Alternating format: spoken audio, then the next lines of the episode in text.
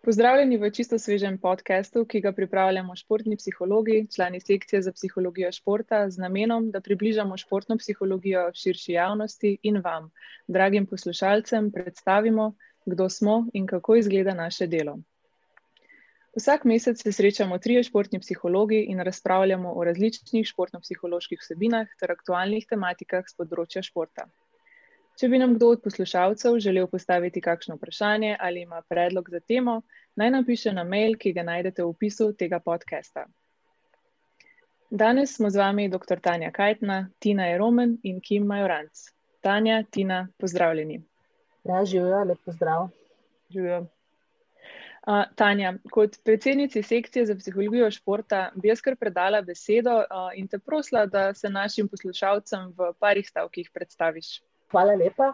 Uh, ja, jaz sem Tanja Kajtna, sem uh, zaposlena na fakulteti za šport, kjer kot izredna profesorica sodelujem pri predmetih, kot so psihologija športa, psihološka priprava, pedagoška psihologija, poučujem recimo tudi dva izbirna predmeta, avtonomno potapljanje in doping v športu. Uh, ogromne količine časa pa namenim psihološki pripravi športnikov, s katerimi sodelujem kot športna psihologinja sodelujem s športniki iz precej različnih športov in menim, da lahko z veliko radovednosti psihologi precej učinkovito delujemo v vseh športih, tudi v tistih, ki jih iz lastnega ukvarjanja s športom morda nismo poznali. Ker se mi zdi pa pomembna tudi skrb za razvoj stroke, mi je ključno, da v naši sekciji dobro sodelujemo in da se trudimo delati na visokem nivoju in skozi to sodelovanje zagotavljamo učinkovito delo športnih psihologov. In lahko bi rekli, da nam gre kar dobro, tako da tudi zasluge te ptanja. Um, Tina, zdaj nam pa še ti povej, kdo si in kaj počneš. Ja, hvala za tole predstavitveno možnost, pa za povabilo.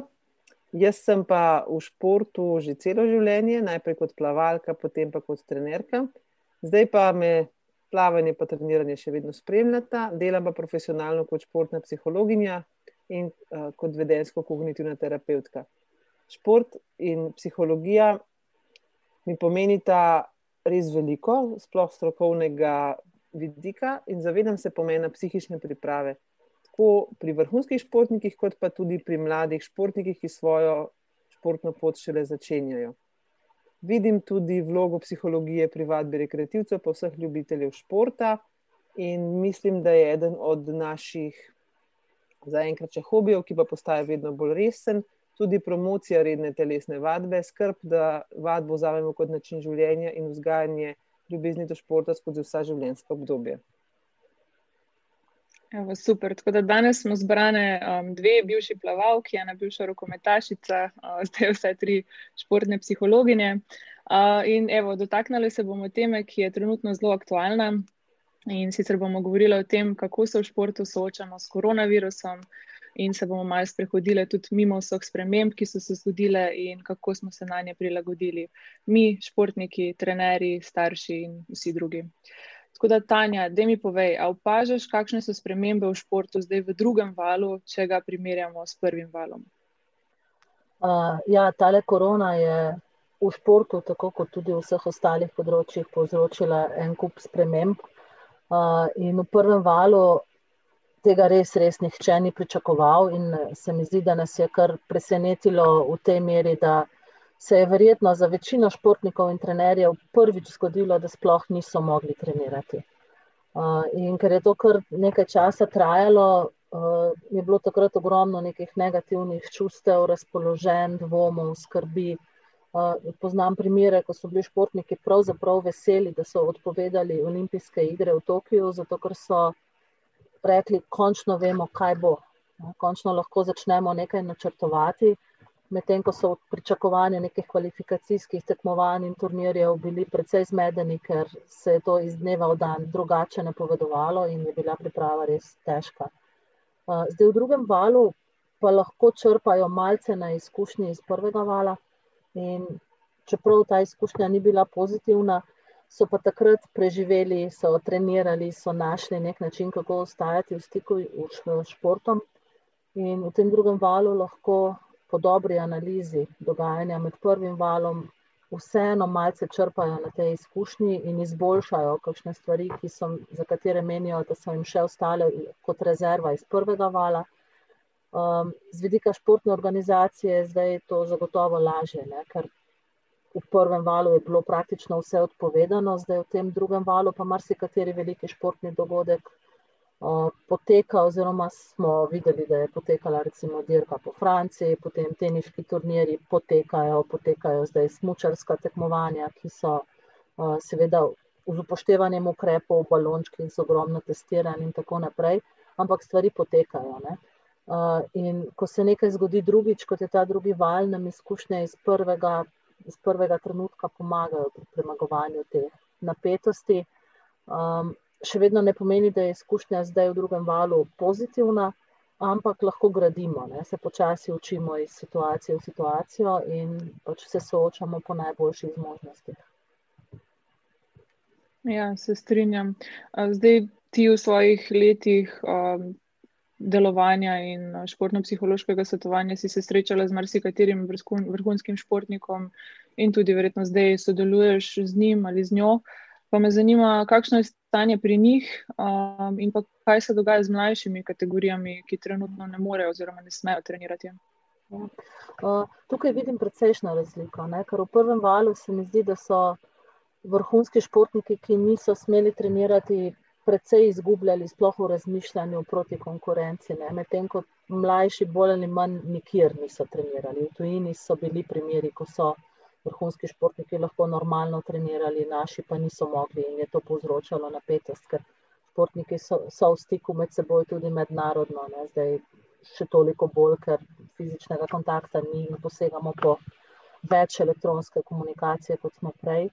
Uh, zdaj v drugem valu pa mislim, da je mlajšim precej slabše. Uh, zdaj trenutna ureditev je takšna, da vrhunski športniki dosegajo najviše kategorizacije po olimpijskem komiteju lahko trenirajo, jasno z upoštevanjem vseh omejitev.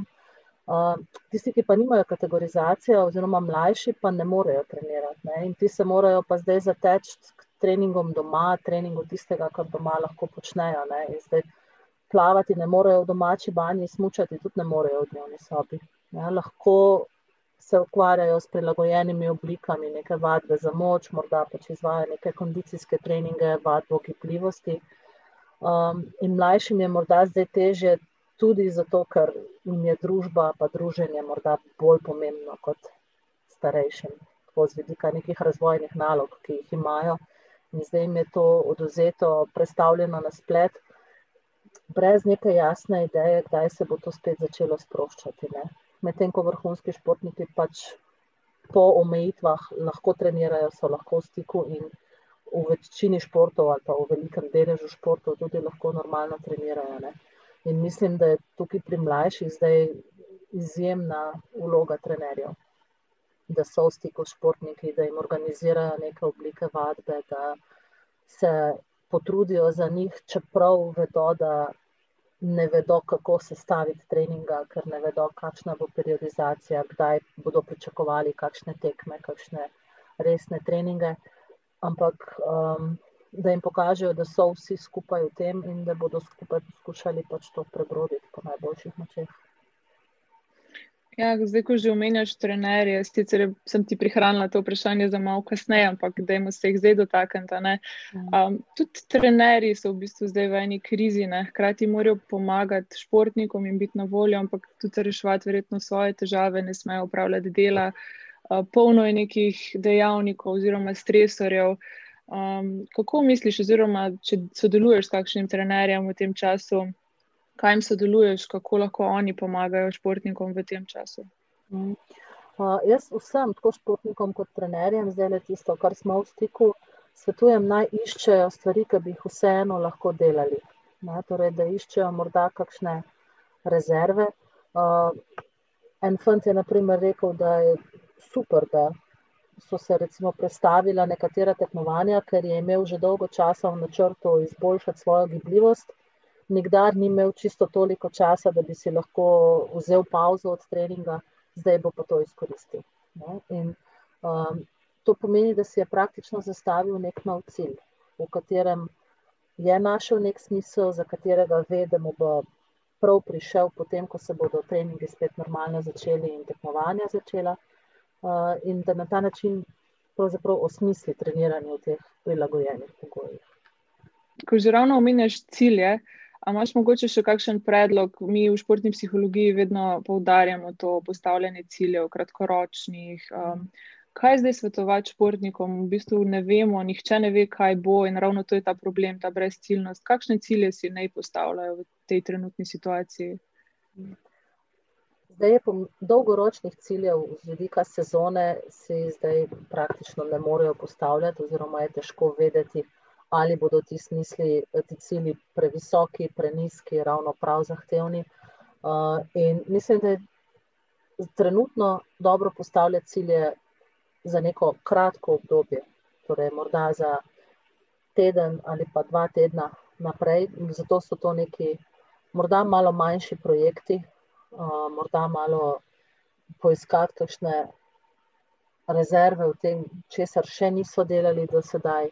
Kakšni morda lahko cilje celo preusmerijo na kakšno drugo področje, če ne morejo trenirati, morda naredijo kakšno stvar za šolo, ali pa se morda posvetijo celo kakšnemu hobiju, čeprav se to seveda ni, ni smiselno uh, reči, da zdaj, ker se bodo ukvarjali s hobijem, bodo v športu boljši, ampak zagotovo bodo pa lažje prebrodili ta čas, ki je pa za marsikoga zelo neprijeten. Ne. Če, če nič drugega, imeti kar naenkrat 4-5 ur dodatnega časa, s katerim ne vemo, če so točno kaj početi, to je tudi neke vrste stresa ne. in ne nujno pozitivno. Ja, sploh, če si vsak dan navaden tempa in rutine. uh, Tina, kaj pa tvoje izkušnje? Um, kaj ti športnikom svetuješ, uh, da lahko naredijo v tej situaciji? Uh -huh. Jaz bi tukaj dodala k temu, kar je Tanja rekla, še to, da je treba tudi ljudem dovoliti, da mogoče ta trenutek sebe počutijo malo slabo, pa v tesnobi. Da jim povemo, da je to, kar čutijo, normalno in da ni nič nenavadnega, če so zdaj malo zmedeni, malo ne vejo, kaj bi. To velja tako za trenerje, kot za športnike. Prav poleg tega, da uh, se učijo strukturirati čas, pa postavljati cilje, da pa včasih lahko smo pa tudi mal.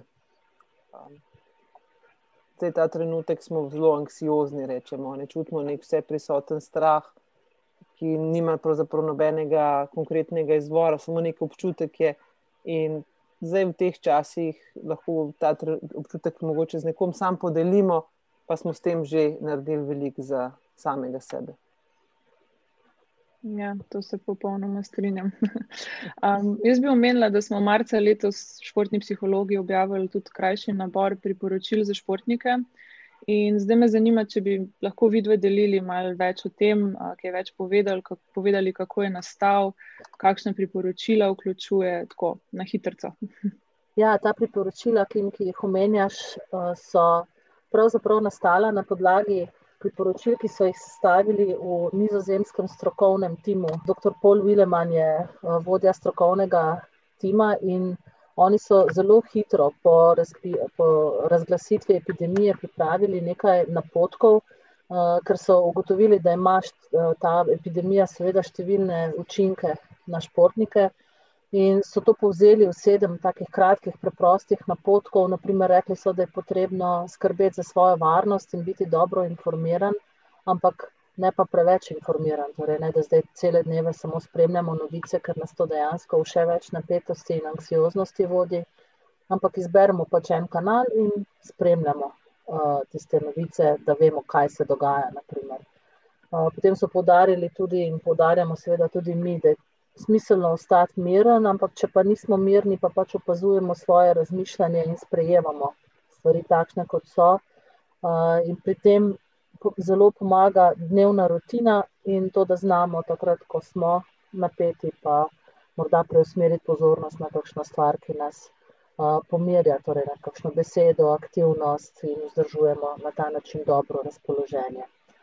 Navaditi se vseh omejitvenih ukrepov, naprimer nositi maske, vzdrževati distanco, redno umivanje rok, pač da to sprejmemo kot dejstvo in to delamo, in čeprav je to morda sprememba, da moramo še o tem posebej razmišljati, potem na neki točki to avtomatiziramo, tako kot so športniki navajeni avtomatizirati tudi posamezne gibe in navade v športu. Ne. Pomembno je, da spremljamo, kaj se dogaja, in si zastavimo nove cilje, to, o čemer smo že govorili. Uh, in pa predlagajo tudi, da je pomembno, da se še naprej srečujemo, če fizično ne gre, da to naredimo online, no, da svoje sporočila povemo drugim, da pozorno poslušamo, kaj nam drugi povejo. Uh, in da smo pozorni na to, da ko se z drugimi pogovarjamo preko spleta, da neverbalne komunikacije dosti krat ni toliko na voljo, oziroma da je otežena ne, in da smo zato res natančni v sporočanju stvari. En predlog, ki ga podajamo v teh pravilih, oziroma na potkih, je tudi, da se lotimo kakšnega osebnega projekta. Ne, lahko so to čisto preproste stvari, kot naučiti se kakšno stvar skuhati, učenje tujih jezikov, kakšne pač nekaj, kar, za kar smo do sedaj imeli premalo časa. In pa seveda en pomemben napotek je tudi, da ne ostajamo sami, ampak da stopimo v stik s tistimi, ki nam lahko pomagajo, da stopimo v stik s trenerjem, s strokovnim timom, da športniki, ki že sodelujejo, športnimi psihologi, zdravniki, da še naprej sodelujejo z njimi. Seveda, če pa še nismo sodelovali s športnimi psihologi ali pa če nimamo stika, stika z ljudmi, ki bi nam lahko pomagali, pa je morda ravno to pravi čas, da to storimo. Tako da ti napotki, tisto, kar je dobro, je, da so uporabni ne samo za športnike, to so napotki, ki jih lahko uporabi kdorkoli, torej vsekakor tudi trenerji, pa ostali ljudje, ki sodelujejo v športu. Ja, pa predvsem ne smemo pozabiti na eno stvar, ki jo tudi v športni psihologiji radi vse čas poudarjamo, pa delamo okrog nje, in to je razmišljanje. Um, da skušamo ostati pozitivni v razmišljanju, tudi in si rečemo, da, da bo tole minil, uh, slej, kot prej, verjetno, um, in da se izognemo tem negativnim mislim. Ne. Če, če lahko še jaz dodam svoje. In ko si ravno Tanja omenjala um, sodelovanje s športniki, Um, pa bom tudi tebe potem Tina vprašala, ampak da mi ti Tanja najprej povej. Um, se ti zdi, da je sedaj pomen športne psihologije kaj drugačen kot pred epidemijo, ali zdaj sodeluješ z več športniki ali z manj? Kako je? Um, ja, jaz moram reči, da večinoma sodelujem še naprej s tistimi športniki, s katerimi sem sodelovala pred epidemijo, ker sem pa tudi mentorica športnikom na fakulteti za šport. Uh, tam pa je več povpraševanja po kakšnih nasvetih in napotkih, ker uh, so se znašli v zelo nenavadni situaciji usklajevanja šole in športa uh, na način, da, ki ga prej niso poznali, ne, zato ker imajo več dela z usklajevanjem športa, potem pa zraven še šolo dati, pa je dejansko uh, postala večja težava. Ne. In jaz mislim, da imajo športniki zdaj več dela s tem, da opravijo tiste osnovne obveznosti, vezane na trening, ne, ker morajo toliko več nekih stvari upoštevati. Morda še ne prepoznavajo večjega pomena športne psihologije, mislim pa, da se bo marsikaj spremenjalo, ko se bodo stvari vračale v normalno, ker morda pričakujemo, da bo zdaj kar z drugim dnem po preklicu epidemije spet točno tako, kot je bilo, ampak tudi na to vračanje se bomo morali malo prilagoditi, ker močno dvomim, da bo kar že drugi dan normalno. In bo, bo spet ta adaptacija na nek normalni športni ritem trajala. Mislim, da bo športna psihologija postajala vse bolj pomembna. Ne? Vsaj upam, da bo. Ja, držimo pesti. Tina, kaj pa ti opažaš?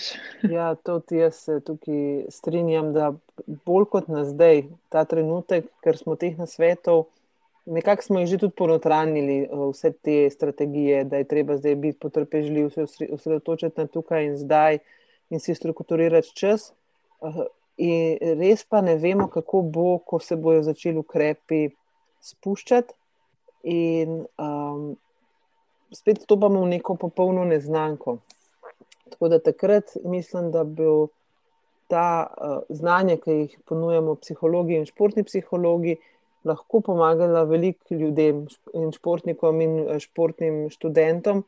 Torej, med karanteno smo recimo, vedeli, da ne smemo tega, ne smemo unga, ne smemo tretjega, in smo se zadrževali in eh, čakali na trenutek, ko bomo šli ven. In ta iluzija, da bo naslednji dan, naslednji teden, naslednji mesec spet vse v redu in po starem, je točno to je iluzija. In zdaj, um, kako takrat sprejeti nove načine življenja, kako paziti še vedno na svoje zdravje in zdravje drugih na načine, ki so nam težki, ki jih težko sprememo, to bodo taka pomembna vprašanja. Ja, definitivno. Um, bivajo pa za konec prosila še, če lahko vsaka z nami deli en na svet ali dva ali tri. Um, kako naj se športniki zdaj motivirajo za treninge v obdobjih, ko ni tekmovanj? Jaz bi se malo obrnila nazaj na tiste cilje, uh, pa bi to morda še bolj kratkoročno postavila in bi rekla, naj se vsak dan posebej vprašajo, kaj lahko danes dobrega naredim za svoj šport in zase. In da jih potem ta ja. misel. Vodi lepo iz dneva v dan. Stvari se tako hitro spreminjajo, da res včasih je dovolj, če vemo, kaj bomo počeli danes in to naredimo toliko dobro, kot pač lahko. Ja, jaz bi pa dodala tukaj, da je fajn, da se zaposlimo, da organiziramo svoj dan. Se pravi, brez del je, je tudi fajn dejansko načrtovati. Recimo, damo si dan v tednu, ko smo brez dela in uživamo v neki prostosti. Vse ostale dni je pa zelo pomembno, da si naredimo načrt dela, predvsem, da dovolj spimo, da dovolj počivamo, da se držimo potem tega razporeda in potem bomo ustali nekako v ritmu življenjskem in s tem uh, v ta red, v ta red gibanja, počivanja bo potem tudi.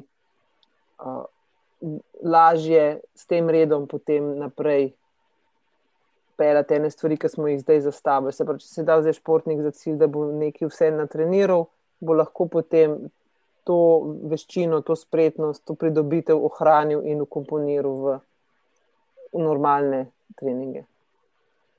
Predvsem pa se zavedati, da so bili vsi športniki in vsi ljudje v isti situaciji. Ne, in, um, da bomo tudi vsi prišli nazaj v iste situacije. Um, jaz bi se vam obema lepo zahvalila za današnji pogovor in hvala vam, dragi poslušalci, ker ste bili z nami. Uh, naslednji mesec boste lahko poslušali že nove vsebine in spoznali še druge športne psihologe. Lep pozdrav!